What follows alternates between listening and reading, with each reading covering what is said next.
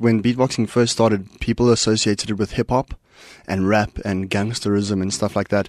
And I, I decided to take it to another level in beatbox, say like jazz or reggae and or singing and beatboxing because rappers and hip hop guys don't really sing. You know what I'm saying? So for a beatboxer to sing was a very different thing in the beginning. Um, and yeah, so now I'm capable of of doing all the instrumentation and singing.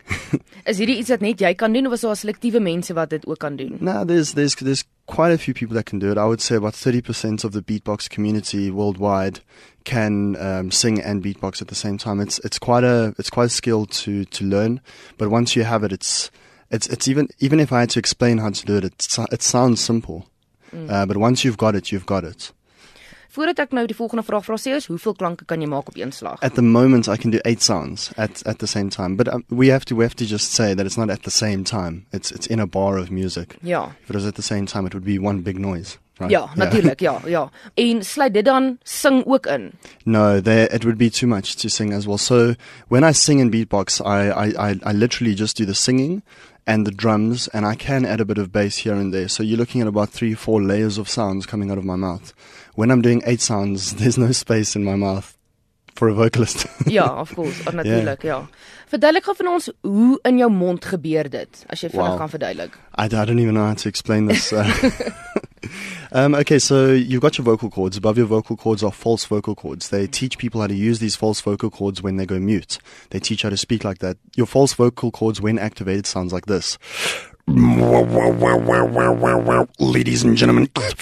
All right. Um, so they teach people how to speak like that, and basically what they do is they teach how to use muscles within your uh, false vocal cords, muscles that we're not supposed to have.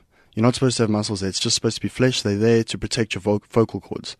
I have those muscles there. That's how I can do this. So there's one sound from the bottom of my um, throat. You got the, mm, and then just with your lips, you can do the drums, kick drum, snare, and you put it all together.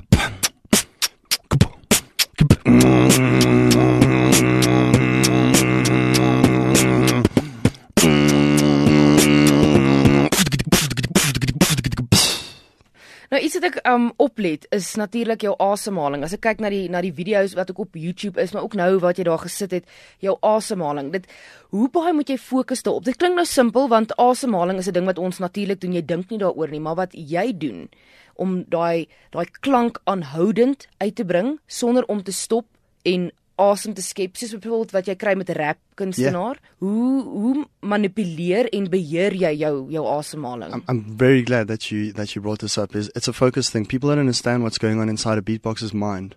The physicality of it is you teach yourself how to do a snare. It's there. Okay, you can do it. Now, doing a drum pattern um, and focusing on the bass line and focusing on the tap dancer and focusing on whatever else I'm doing is a lot psych- psychological. You know, it's it's basically like using the left and the right hand side of your brain. Uh, some of the things I have to take into account is also breath control. So, like, I've got a snare where I'm breathing in. Now, I don't only do that snare because it sounds nice. Sometimes I do that snare for me to breathe. So I go. Did you hear that? Yeah. That was me actually breathing in.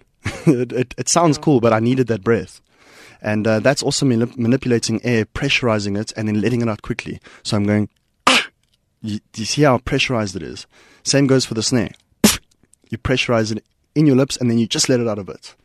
So yeah, that's the kind of manipulations that I have to do to my body, inside and out, uh, to get the sounds out that I want and how I want it to sound.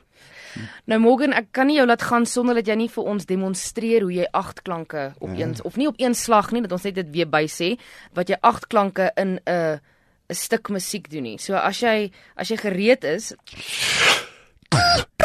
Ladies and gentlemen, you are now listening to Morgan Beatbox.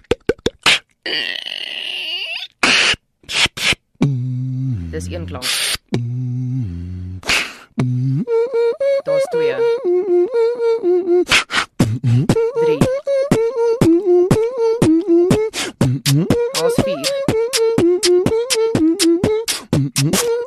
En vyf.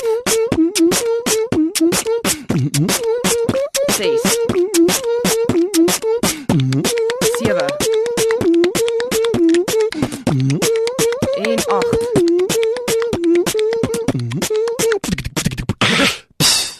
Eight sounds.